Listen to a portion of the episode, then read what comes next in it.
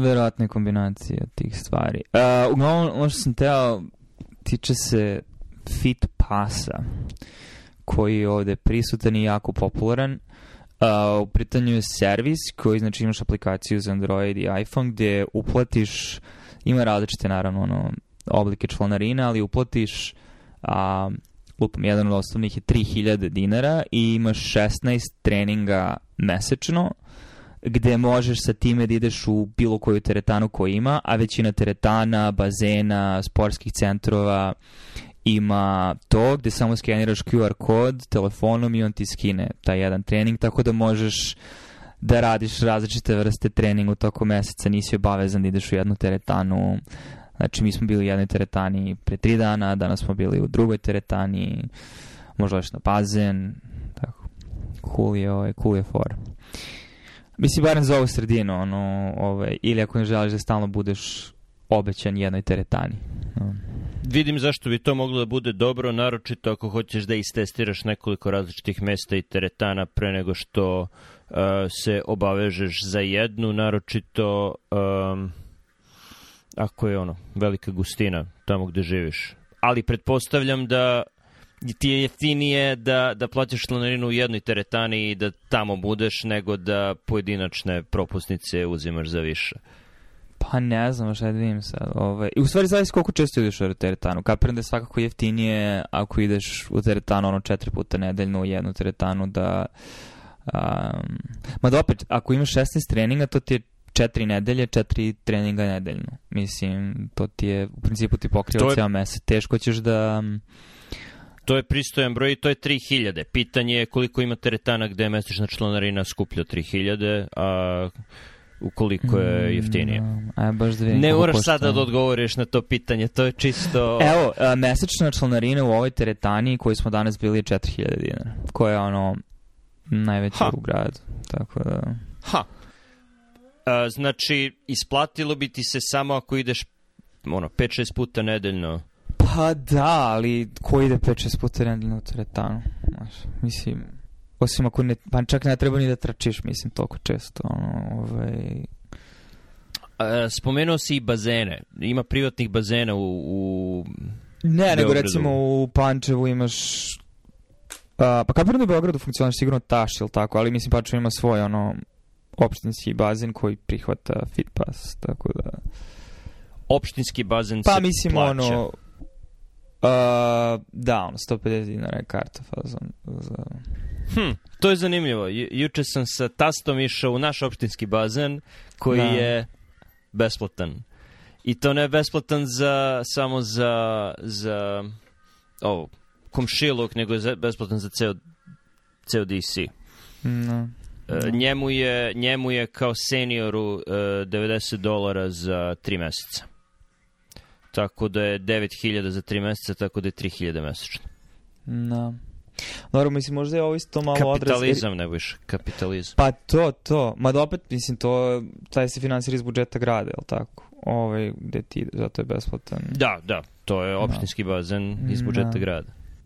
Ne, ali isto sad, ako pričamo ono o cenama i to, a, jako su se približile cene hrane ovde, a, sirovi, mislim ono, namirnica uh, uh, Americi. Čak neke stvari su mi, mislim, bile su i ranije skuplje, ali recimo jedan stik putera, koji je ono 100 grama putera, baš sam juče gledao je bilo upakovano u stik, uh, košta 200 dinara da li sam jednom u životu kupio puter kad sam živeo u Srbiji? Ne, jer Srbija je zemlja koja živi na ulju i margarinu, ne na puteru. Tako pa da, da ali ima da, da, stvari ne. Da. koje možda kuvaš sa puterom, koji su definitivno ukusnije da, ako ih kuvaš na puteru da li sam, i, možda sam dva puta kupio neutralnu pavlaku koju mora jako da se potrudiš da nađeš neutralnu pavlaku koja nije slatka u Srbiji. Bar je tako bilo pre 15 godina, ne znam da li je još tako. I dalje tako i čak pavlaka za kuvanje, ako ne pročitaš dobro, u stvari nije prava pavlaka, nego je palmino ulje pomešano sa, on, hidrogenizovano palmino ulje, valjda pomešano sa još nekim stvarima da izgleda kao pavlaka za kuvanje, tako da...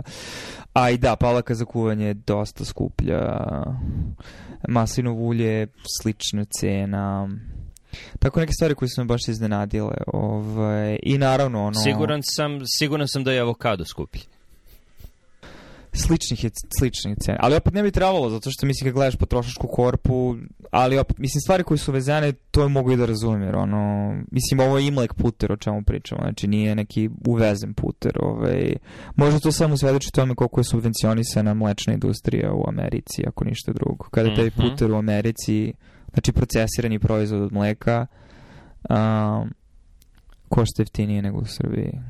Ovaj. Što u velikoj meri sužava stvari koje on. Ali što se tiče voća povrća, mnogo je pristupačnije i za prosečnu potrošačku korpu i definitivno je bolje kvaliteta. On. Mm. Prosečno, on, odlazak u supermarket, po defaultu ćeš da nađeš bolji paradajz, generalno kvalitetnije povrće. Jel kad premda oni nabavljaju stvari lokalno, čak i ti veliki marketi inostrani imaju dilove sa ovaj, barem za ove stvari poput... U Srbiji Uh, mm. Koliko se sećam, u Srbiji se paradajz izvoz, uvozio iz Španije uh, za prodaju po supermarketima. To je sada drugačije. Ne znam, mislim u svom slučaju ovaj paradajz je definitivno bolji. I dalje, ove, ovaj, u smislu već je ono septembra um, nije Dobro, još potpunosti je kvalitet otišao one plasteničke, kartonske.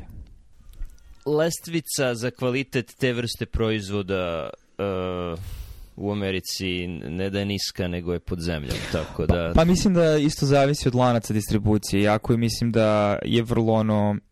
Um, gotovo što se, mislim, Americi uglavnom uvozi iz Meksika, znači ideja je da ti možeš da distribuiraš po celom kontinentu koji je veličine čitave Evrope, tako i taj paradajz mora da može da stoji određeno vreme i da se ne utumba, tako da ne možeš ono paradajz koji je bukvalno zrenje da a, pošalješ u, u prodavnice, tako da se uglavnom šalje zelena. Kad je zelena dozreva a, van stabljike, onda uglavnom ima u sredini taj celulozni celoznu srž. Koje? Ali ako živiš u DC-u, imaš privilegiju da kupuješ na pijaci od seljaka na DuPontu za 9 dolara, pola po kilo, je, da. da, da jedan prnet košta 3 dolara. To je, da, da, da. Pa čak i... I, mislim, to, ne, da. i to ne od seljaka, nego od, od uh, omladine koje larpuje da su seljaci. Jer generalno i oni nisu. Da ovi koji imaju, koji imaju veza da prodaju po Dupontu nisu baš... Uh, nisu, kako, da li si upoznao, bože, kako se zove, lik koji je imao kombi u Adams Morganu koji je vozio svake nedelje ono, 200 km iz Pensilvanije i tu prodavao, koji jeste imao farmu i, i stvarno je imao, imao dobre proizvode. Jer nije morao da razmišlja o, o lancima i, i preuženju paradajza 1000 km. No. Da, još neke stvari, mislim da si ti to rekao, ono, srirača, mada opet vjerojatno zašto je uvezeno. Mala bočica srirača je fazon 800 dinara, znači 8 dolara. Um, da, Tabasco je fazon 500 dinara, ona, 450 dinara, ona mala, mala bočica. Mala boca. Uh, Ali ja opet kapiram, to je kao uvoz i tu sad idu marže i pogotovo što nema mnogo interesovanja na tržištu, male paleta proizvoda svakako i nema ih ni mnogo na rafu, tako da je to verovatno ono više kao domen egzotike nego što je uh, realno nešto što bi kupio. Ali zato duvel je 500 dinara. To sam uh, e, 500 dinara 0, pakovanje 7, od 6. 5. Ne, pakovanje od 6. E, pakovanje od 4. Ne, i da, da li pa... ima pakovanje od 6 duva, Nema. ima pakovanje od 4. Ima pakovanje od 4 i to pakovanje od 4 stvari izađe jeftinije nego boca 0,75. Ba, da A... znaš zašto? Zato što je novi vlasnik, mislim novi vlasnik Maxija, najnoviji vlasnik Maxija je belgijska firma. Da, mislim da sam ti to ja rekao. to, Belheiser. da, ne da, da, da, da, da, da, da, da, da, da, da, da, da, da, da, Ove, da, da, Delhaize. Mislim, kapiram da je to jedan od razloga zašto... Mislim da je to pa, jedini razlog. Ovaj, to je jedini razlog, naravno, da će prodavati robu iz svoje zemlje i to je nevjerojatna sreća za ljude koji žive u Srbiji, jer ne moraju da no. kupuju pakovanje od četiri duvela za 18 dolara koliko I, je, nije svuda, no. Da. ali, ali toliko. I imaju, mislim, još da. par nekih drugih, ono, trapisnih piva, imaju i plaviši mej, tako da, ovaj, e, i pozitivno iznenađenje svakako. Beli šimej? Nema, nije Shang bilo. Shang. Nije, no. Da. Volao bih ja da je bilo. Ovaj, da. Ali i ono što je to zanimljivo kad smo sad, sad se prebacimo ono prehrambeni proizvodi, ali što se tiče piva, uh, kraft kultura piva je naravno dosta živnula ovde u zadnjih deseta godina, čemu ja nisam posvedočio. Imaš, a ono što je zanimljivo u Pančevu ima a, a, pivara koje bukvalno imaju kao neki prostor su napravili toj kući da je pivara koje možeš da sedneš i da piješ, zato što i pune, ali i služe tu i iskreno dobra su piva. Znači, pio sam njihov wheat beer i pio sam njihov um, kao sezon je bio neki, znači ono nije baš pravi IPA, onako malo je kiselkasti, ali nije super kiselka, baš je onako lepo išao. Uglavnom i oni malo eksperimentišu sa odnosima ono hmelja, ječma i pokazano nam je čak vlasnik čita proizvodni proces, ono, znači da imaš četiri ogromna kazana gde idu na različitim temperaturama, ono, razgradnja, um, ove, pšenice ili jačma za skrob i onda posle imaš drugi deo da su fermentori a, sa koga direktno ti toče jer ti fermentori su ono, u hladnom lancu i ovaj, do, stvarno je kvalitetno bilo ovaj, iznenađujuće um, dobro, vodu panču je okej, okay, znači pošto je iz bunara podzemnih i dobre kvalitete samo što je tvrda dosta, ali stvarno je dobro. Um, mislim, ono, bila je pivnica tu i pre 300 godina. Tako. U stvari sad je ove godine 300 godina od uh, ono, osnivanja prve pivare u Pančevu, pošto je 1722. bila Vajfertova pivara. Teško mi je da poverujem da je voda bilo gde u Vojvodini kvalitetna, naročito u Pančevu, ali da dobro, Ako ti tako kažeš. I iz pouzdanih izvora znam bukvalno ono Zavoda za javno zdravlje lokalnog da je kvalitet vazduha u prosjeku manje loš nego u Užicu. Ove, ovaj, što ima više veze sa ružom vetrova i vremenskim prilikama, čak i količinu ugljovodunika. I energentima, i, da. energentima da. koji se koriste za zagrevanje zimi. Mislim da je da. leti kvalitet vazduha u Užicu sasvim okay, ali je ono četiri meseca grejne sezone je dovoljno da u proseku bude mnogo loši, mada pretpostavljam da zavisi od toga koju metriku koristiš za kvalitet vazduha, AQI ili za, za određene substance sigurno Pančevo ima loši od, od Užice. To sigurno, po, zašto imaš petrohemiju, tako da sigurno ima stvari koje da, da. ovaj, da. inače ne bi našao samo gorenje lignita ili drveta. Um, Ali u svakom slučaju Jagodina bolje od oba po kvalitetu. Mm, Jagodina je najbolje, Jagodina To je jedna od redkih stvari, jedna od redkih stvari, ne, niski udarci, jedna od redkih stvari gde, gde je Jagodina bolje u nečem. Mm. Na, da, ali inače, ono, lokalna piva su i dalje slična. Ali, Zaječarsko okay, je... Mislim, da, da, mislim da je jedan nivo težine da imaš ono, četiri fermentora i da odatle točiš pivo, ali da li neko flašira to pivo i prodaje u prodavnicama? Da, da, da da, da, da, ima... Da, da, samo distribucija naravno ograničenija. Svakako donose ga u lokalne ove barove i šalju za BG, ali i u Beogradu imaš nekoliko, sad sam zaboravio, znači imaš Salto, ne znam, ne želim da lupamo. Barovi, da, da, da li neko prodaje u A, neki od njih Prodavnici. ima, mislim da kupiš i u prodavnica. Mislim, video sam po Maxiju. Da. Da. Ali uglavnom ono tipa što se vidi, mislim da te nalažemo možda ono četiri proizvode ili tako nešto ono. A... I kakva je cena u poređenju sa duvelom? Nisam gledao, nisam gledao, iskreno. Aj pogledat ću, ja ti imam domaći zadatak. Jer mi nije ni zanimalo većina tih piva su IPA-evi, onda mi je odmah ono selektivna jer, jer, Mislim, ko koliko god mi je drago što se Duvel prodaje u Srbiji, to je malo... Uh, sa strane nekoga ko voli kvalitetno pivo, to malo ubija konkurenciju, znaš, mo, moraš nekako dosta ili da budeš da izrazito piješ to pivo zato što je pravljeno u Srbiji, zato hoćeš da probaš i da, da namerno neće, nećeš da, da kupuješ duvel, ali ako imaš izbor ono, duvel za koliko si rekao, 500 dinara pakovanje pa od 4, ne znam po kojoj ceni bi moralo bilo koje drugo pivo da se, da se proda da bi ti to bilo isplativo, ne znam. Da, malo više to pakovanje, 4, ali u proseku izađe jeftinije zato što je to litra, a ovo je 0,75, tako da, u boci, tako da. Mm.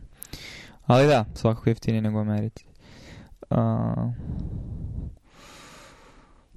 Da, ali u stvari shvatam koliko ono, eh, to zvuči glupo, ali mislim kad se, koliko se razmaziš kada tako kreneš da eksperimentišeš sa kuvanjem nekih stvari koje, ono, nije, kad, kad imaš dostupne namirnice nije teško oponašati neku kuhinju, barem u nekim osnovnim oblicima, jer znaš ono, ali recimo ovde nemaš cilantro um, i to je ono što, što vidim da, da fali uzmi, za uzmi Pa nije isto. Ove, ovaj, um, ali to ono stvari što mi govori o tome koliko je u sjajnim državama stvarno na zavinom nivou jedan od odraza međunarodnog uticaja i ugovora su stvari koje su dostupne na rafovima, koje se čak i u zadnjih deseta godina u stvari, ja primećujem, ima sve više i više. Pogotovo kada još ono H-Mart, to stvari imaš stvari ono koje oni uvoze direktno iz Indije, Kine, Japana, ove, zato što e, lokalne etničke grupe kuvaju tu hranu, tako da možda kupiš ono 500 grama semena korijandera ili kilo semena korijandera i ono 300 grama lovrovog lisa. Mislim, taj lovrov list sam kupio ono pre par godina i, i dalje ga nismo iskoristili ceo. Mislim, tako da dosta je isplativo. Um, ali mi je zanimljivo kako lanci snabdevanja u velikoj meri determinišu dostupnost i cenu proizvoda i jer on, šipovanje kaperom preko brodova je i dalje najjeftiniji uh, način transporta uh, van onog pikova. Um, Tako da razmaziš se jako lako kada vidiš šta ima sve dostupno. Znaš, odeš onaj mali Japanese market što ima tu kod tebe i mislim, ono, imaš toliko nekih sitnih malih stvari, naravno ima to nešto pretredno svežih sastojka, mada i imaju ono povraća nekoliko vrsta, um, ali stvarno možda nađeš gomilu tih nekih pakovanja, mešavina začina i stvari koje vrste pirinča ili nudli, tako da možeš dosta stvari da ukombinuješ ovaj, a, koje nisu tek tako dostupne u ostalim supermarketima. I koje nisu ništa naročito skuplje s obzirom na to koliko su egzotične. To, ali mislim da je to glavni razlog tome što su te, ta mesta prevashodno za ljude koji jesu iz tih područja sveta a to ti onda govori da se često desi ako ti recimo ne znaš engleski ili nisi previše zainteresovan i kuvaš ili imaš recimo porodicu da je ona starija generacija kuva i dalje znači ono što zna da kuva iz svo, svoje zemlje porekla uh, ne možeš tim ljudima da ono upselluješ mislim fancy egzotičnu stvar pogotovo što to njih, njih nije fancy egzotično uh, Um, ali kapiram da isto tu stvar, to ono, ne želiš da neke stvari ti postanu pretrano popularne, jer ono, Whole Foods će onda da ih stavi na raf i onda će da bude tri puta skuplje za dubiozno dubiozni kvalitet. Često se desi u Whole Foodsu kupiš nešto ispod nije ono, ništa posebno. Ili čak nekad i loše. Znam da smo jednom kupili džigericu, jer džigericu nismo mogli da nađemo, to je bilo... Ili to bukvalno kupiš džigericu u tegli, koju prave neko na nekoj američkoj farmi koja je bila preskupa i na kraju nije ni bila dobra. Ovaj. Ovaj... E, tu, tu je, za te stvari je ona pijaca na DuPont u stvari sasvim ok, jer tu imaju ono sveže, sveže mesne proizvode, uključujući mm. iznutrice i džigericu, koje može da uzmeš dosta povoljno, jer ljudi obično ne kupuju. To mi je zanimljivo, da, zanima kako se uopšte baca, zato što nije deo kulture, ovaj, a, te Pa mislim neki... da se ne baca, mislim na kraju ili se daje hranu melju, za... daju hranu za pse ili... Da, da, da, da, u tom smislu, ali ne ide u ljudsku upotrebu, mislim to. Da, da. Um, ehm, no. Ma da iskreno, mislim, ovde ne idemo toliko iz nutrice, generalno džigerica je glavna i dobro, piletina, ok, to što kuvaš su upi, ali znaš, redko ljudi jedu bubrege i nije, nije uobičajeno. Ili obično ide ono u uh, kobasice i to, znači prerađene proizvode, ne ide, ne ide, ne procesiraš ga ti sam. Nisam ljubitelj, tako da ne mogu da komentarišem, osim džigerice i brizli. Ali brizle ne, ne, ne uzimam kao iznutricu, brizle su jako dobra podvrsta mesa. A, dobro. A, zanimljivo je što si rekao da se raznovrsnost ovde povećala. Rekao si u posljednjih deseta godina. Pa čini mi se. ti ovde. Mislim da si u pravu. Mislim da si u pravu i mislim da uh, još uvek čitam ovo, Complacent Class. Mhm. Mm tako da sam čovjek pod utiskom i mislim da to ide protiv teze te knjige, ali mislim da i knjiga sama sebi protivoreči jer kaže ovo ne možeš toliko dugo, da, da se stvari ovde menjaju uh, menjaju se ka situaciji gde, gde su stvari manje stabilne, ali su zbog toga raznovrsnije i zanimljivije, tako da... Da pa ne znam, mislim da ono, ne znam koliko, aj, aj samo ako, ako sam razumio Taylorovu hipotezu, da skavenu hipotezu iz intervjua je da jedan razlog za usp, ekonomsko usporavanje što se ljudi manje rizikuju, ne odlaze, smanjuje se migracija, a, pogotovo ono distanca koju ljudi pređu u toku života, da, gde završe na kraju, odnosno na ono, odakle su, gde su se rodili i da je to jedan od argumenta za ono ekonomsko usporenje, ali da. možda je to i deo uzroka i delimično doprinosi, ali mislim ono, ne znam, meni pri, pri, mnogo privlačena ona teza koju smo spomenuli ranije, tiče se i usporavanja eh, naučnog, mislim ono, rezultata istraživanja u prirodnim naukama i samim tim nemaš nove tehnologije koje mogu dalje da potpunosti uh, menjaju uh, sredinu migracije su samo deo, znači to je jedan, jedna stvar. E, Amerikanci manje putuju, veća je šansa da ćeš ostati u državi u kojoj si. Razlog za to je što e, je pod jedan stva, e, mesta su zbog širenja predgrađa mesta su počela sve više da liče jedno na drugo. Centar DC-a nije isti kao centar Njujorka, nije isti kao, eh, ne znam, centar Atlante, ali su zato predgrađa sva ta tri grada jako slična. Uh, i možeš isto da iste radnje lančane da nađeš sve isto i tako da ako se nađeš u jednom predgrađu nije ti toliko bitno da li ćeš biti u drugom, trećem ili petom. Uh, E, isto tako, kada, kada si imao industriju, kada si imao fabrike, e, jedan grad se specializovao za čelik, drugi se specializovao za tekstilnu industriju, treći za tehnologiju. Sada kada je uslužni sektor glavni, da li ćeš biti konobar u nekom strip mall, restoranu u Atlanti, uh, Čikagu ili LA-u, nije, nije, nije toliko bitno nije toliko drugačije iskustvo, tako da ljudi i sa te strane imaju manje podsticaja da, da se seli iz države u državu. I na kraju e, ljudi su, e, ljudi imaju podsticaj da se ne sele, odnosno imaju kaznu za selitbu jer ti za sve više i više zanimanja potrebne su ti e, dozvole, znači ni, ni, ne da. postoje sada samo lekarske licence i ne znam, licence za zubare, veterinare, advokate. već ako hoćeš frizerski salon i advokate, sada ako hoćeš frizerski salon da otvoriš, moraš da imaš licencu za kozmetičara koja ne može da se prenese iz države u državu. Tako da je ljudi ono, ako si frizer ovde, koliko ti je značajno da budeš frizer u Njujorku, E, naročito znajući da moraš da prođeš kroz ceo obuku, do, da platiš te licence, period čekanja. Znači, pa da, da, menjaš posljedice i samim ti menjaš konačni ishod. Mislim. Da, ali ono što je, što, uh, i to, to je jedna vrsta stagnacije, manje migracije. Sa druge strane priča tome da su, da je ono, Amerika manje kreativna i to je ono što smo pričali uh, pre, samo što je on izabrao bolji period, ja sam pričao od 100 godina, on je izabrao period od 50 godina iz 1915. i 1965. gde su se stvari dramatično promenile, znači svet 1915. i 1965. Je, on, ne možeš da povučeš paralela, ono što je tada 1915. još uvek dominantan bio konj kao transportni, transportno sredstvo, nije bilo aviona na nebu gde su ljudi rutinski leteli, sve se to promenilo 65. A između 65. i 2015 15. svet je manje više isti. E, TV je postojao, nije bio toliko praš, proširen, radio je definitivno postojao i bio raširen, postojao transportni saobraćaj za koji može da kažeš da je aviotransport bio bolji 65. nego 2015. bar što se tiče tvog iskustva u avionu i koliko mesta ima i ono koliko, koliko mora da se, da se mučiš na aerodromu da dođeš do aviona. Tako da, da tu već ne možeš da kažeš u toliko je bolje sada nego pre 50 godina.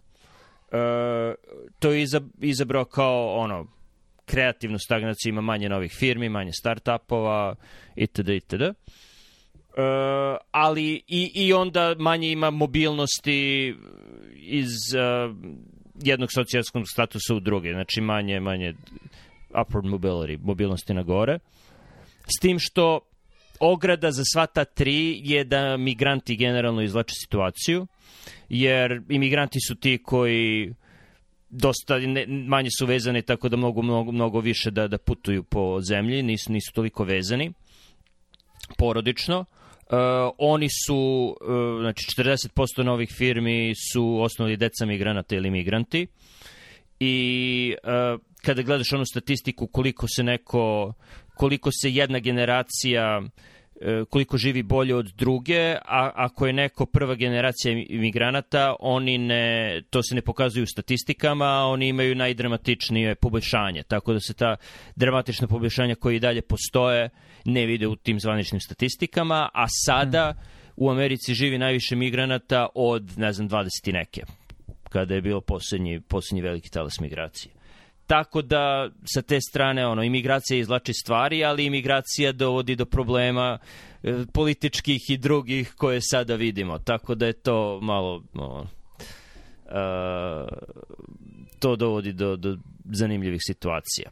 Čak i ono što, što si rekao u posljednjih deset godina, bolja hrana je dostupna, raznoliki e, sastojci koji nisu toliko skupi, i to ne samo u centrima velikih gradova, već i u predgrađima manjih gradova i za to možeš da kažeš da, to je zbog migracije. To si, to si ti spomenuo. No. Da. Tako da je zanimljivo da ova politički antimigracioni talas se isto dešava kao kao kontrateža tome. To je to je mislim mislim da je da je ono bit, bitna stvar u poslednjih deset godina, će biti bitna i u sledećih deset. Pa problem što nemamo, ne znam koliko stvarno imamo dobre modele za predviđanje kako će se, koje su potencijalne socioekonomske dem, de, ramifikacije uzrokovane dubokim demografskim promenama i na kom, koji nivo demografskih promena a, omogućava, povećava šansu za nestabilnost usred novo nastalih društvenih odnosa koji ne i pogotovo u ovom društvu znači mislim ono imamo podatke o migracijama kroz istoriju, ali totalno drugačije ovo društvo gde ljudi rade na različit način, uopšte ideja države koja sada postoji, razumeš, je bilo totalno drugačije od nečega što je postojalo pre 300, 400, 500, 600 godina, tako da um, na neki način doživljamo, mislim, eksperiment u realnom vremenu, gde možemo da vidimo koliko manje ili više liberalna politika vezana za imigraciju u državi može da dovede do manje ili više poželjnih, stabilnih, nestabilnih, nepoželjnih ishoda. Ovaj. A i to ima veze i sa isto vrstom migracije kulturološki, jer ono nije isto ako ti imaš, znaš, kad bi imao recimo gomilu ljudi iz zapadne Evrope koji emigriraju u Kinu u meri u kojoj mogu da onda menjaju kulturu, to bi onda bio stres po taj sistem, isto kao što i migracije sa blistok, bliskog istoka u protestantske zemlje prave određene klašove zato što jednostavno imaju različite kulturološke identitete koji se i religiozne identitete koji sa sobom nose ideje o ustrojstvu društva i ono, regu, regulaciji društvenih odnosa ako ništa drugo. Mislim, Dobro, to je sa jedne strane e, prednost toga da imaš mnogo ljudnu zemlju. Ne znam koliko zapadno evropljena treba da migrira u Kinu da bi napravili bilo pa kakvu pa promenu u Kini. Da, da. A sa druge strane, to je i negativna stvar za mnogo ljudnu zemlju, jer postoješ, naročito za mnogo ljudnu zemlju kao što je Kina, gde je bila nasilna homogenizacija, nekoliko talasa nasilne homogenizacije, gde ako smanjuješ varijansu, smanjuješ Uh, smanjuješ Komplijanc. doduše šansu za loš, ali, ali smanjuješ i, i, i maksimalan pozitivan ishod. Pa da, da. Mislim da stvarno Sjedinje države jesu jedan od primjera više talasa migracije koji su koliko toliko uspešno integrisani. Mislim, znaš, bilo je ono, naravno ljudi koji su bili protiv migracije Italijana početkom 20. veka i Iraca i tako dalje, ali sve su te etničke grupe, da kažem, integrisane u društvo sada. Naravno, sad opet ve, manje razlike između katolika i protestanata nego što je, razumeš, znači kulturološki, znači kakav društveni ugovor možeš da napraviš. Um, ali ono, i mislim migracije iz Kine i Japana u toku 20, 19. i 20. veka isto su svi ti ljudi integrisani i pogotovo što je država koja nije zasnovana ideja na, um, nacionalne pripadnosti se ne podudara sa etničkom pripadnošću za razlike od mnogih relativno homogenih zemalja u Evropi. Ovaj, gde je Srbija, Srbija, mislim, svi su, sve nacije u Evropi jesu mnogo ljudne, ali nose naziv po osnovnoj etničkoj grupi, najzastupljenijoj etničkoj grupi koja živi u, u tim državama. Jako mi je zanimljivo da što polu prevodim ovo na engleski u glavi i shvatam koliko recimo nekih od ovih tema s obzirom na e, period u kojem živimo bi bilo jako ovaj, kom, ne jako, ali potencijalno zapaljive mm. ili kontroverzne. Um, što mi možda samo svedoči... Kontroverzne u nekim krugovima, ne znam, to, to više svedoči to. o tome koga pratiš na Twitteru i šta čitaš nego, nego šta pa ne, ne, ne, ali ljudi u, misli kru... o čemu pričaju. Da, da, da, ali činjenica da postoji uopšte prizvuk toga govori isto kako tema sama po sebi jeste bitna, ako je ništa drugo. Mm jedna stvar koja deluje kao stabilizirajući faktor, i on se spominje u knjizi u jednom poglavlju, je mnogo bolje uparivanje. Da su ljudi mnogo zadovoljni jer generalno imaju pristupa mnogo boljoj muzici i tehnologija će im dati, ponuditi muziku koju zna sa, sa velikim stepenom sigurnosti da, da će im se svideti.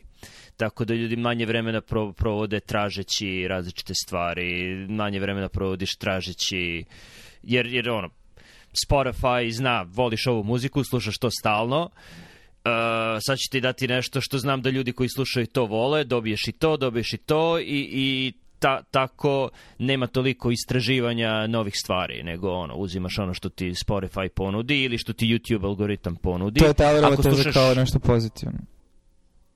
Mm, Tylerova teza da je to pozitivno, da. Mm. YouTube, e, ne, ako, ako voliš klasičnu muziku, A, nekada je bilo jako teško naći najbolje izvođenje a, e, ove kompozicije od ovog pijaniste, ne znam, a sada i ono, ne zna se, postoje debate šta je najbolje, sada je lako ono, tri klika i znaš koji je konsenzus da je ovo najbolje i ne samo da znaš konsenzus koja je najbolja izvedba, već možeš na Apple Musicu, Spotify-u ili čak na YouTube-u da odgledaš to izvođenje u, u roku od ono, 10 sekundi.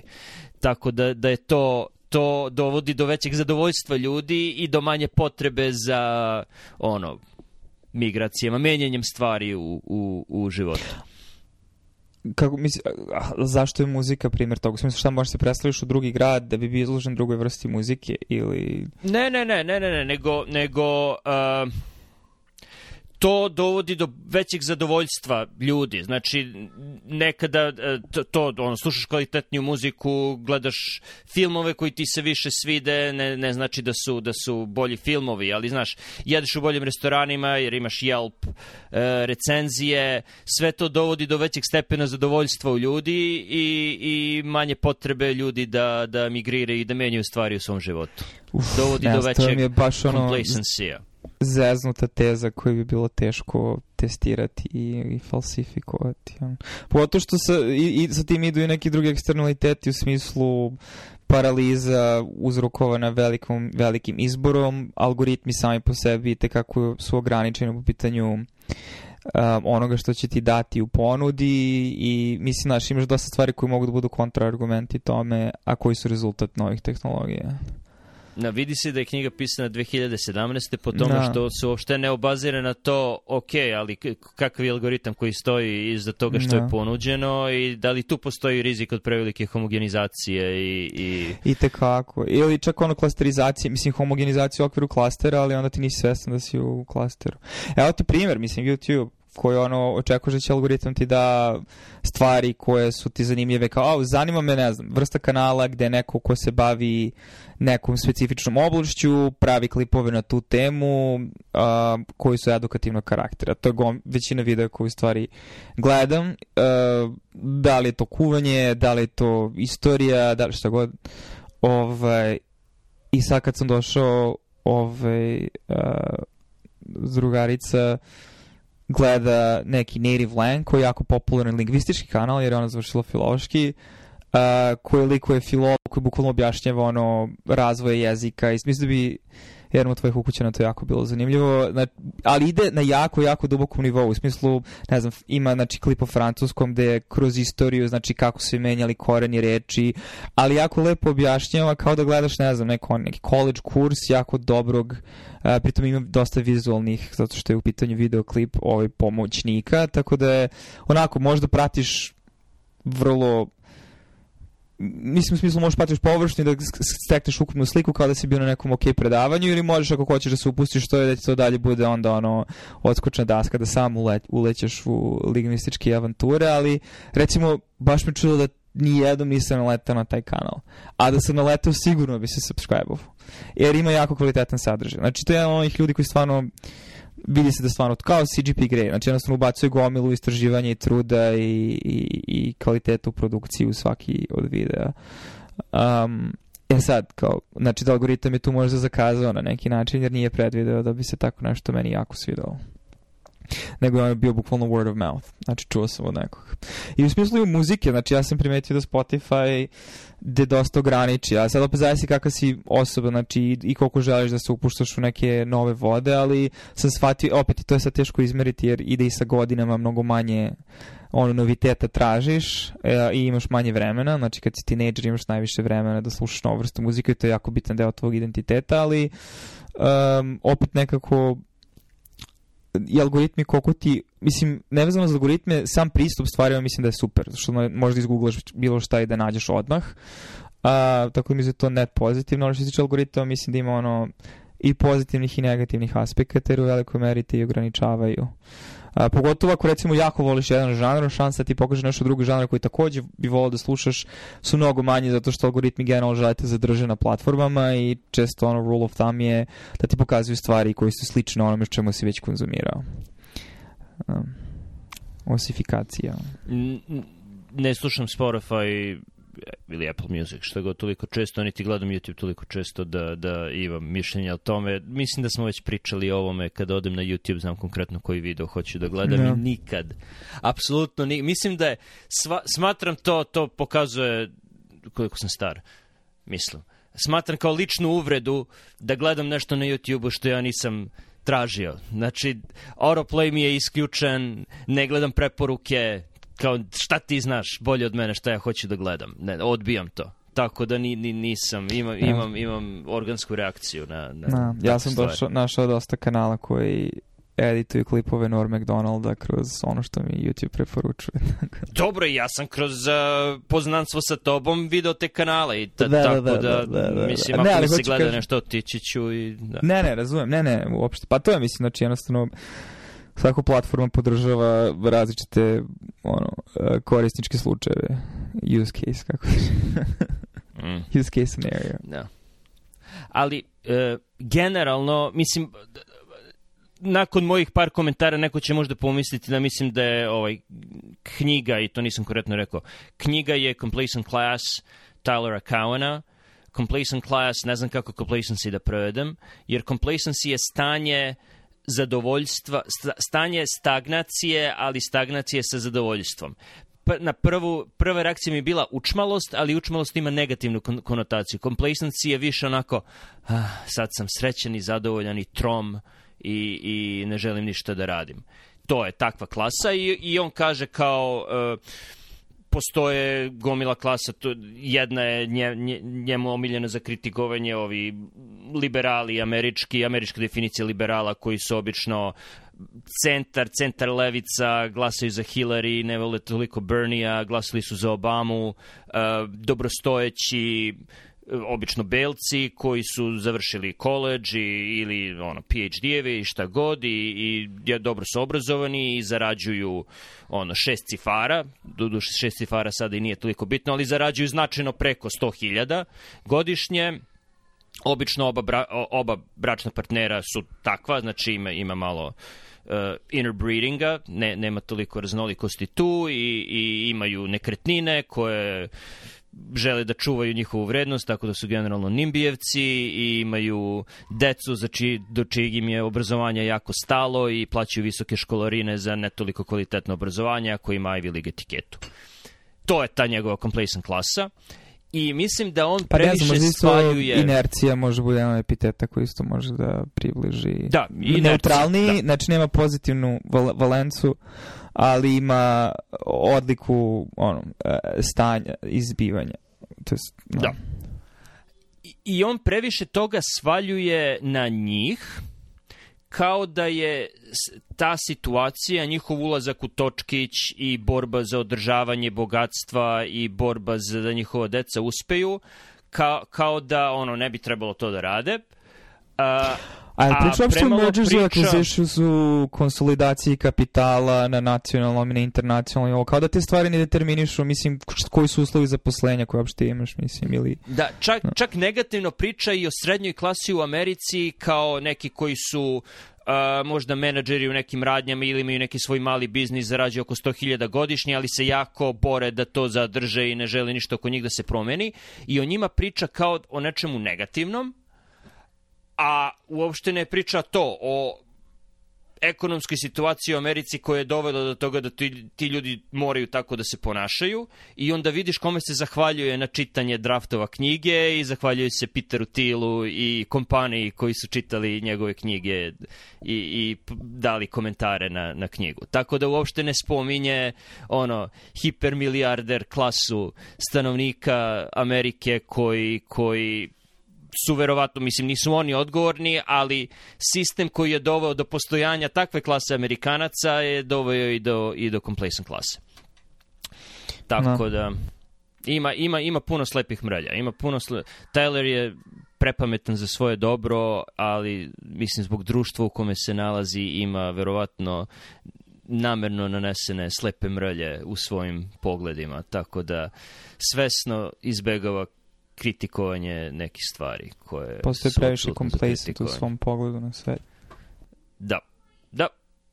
Ali je rekao, desit će se neka kriza koja će sve ovo poremetiti i, i ono, knjiga izašla 2017. Tako da ono, sad kad čitaš vidiš, aha, COVID, aha, COVID. Pa dobro, postoji COVID. bottom up pritisak uh, za work from home u svim sektorima gde je kognitivni rad koji je na računaru a, je oblik te delatnosti, tako da to ne znam, ono, verovatno će medicinske licence poslednje updateovati to, ali kapiram da će mnoge branše zanimanja ukinuti ili će postaviti pritisci da se ukinu licenciranje na ono nivou države, ako već možda radiš nešto od kuće.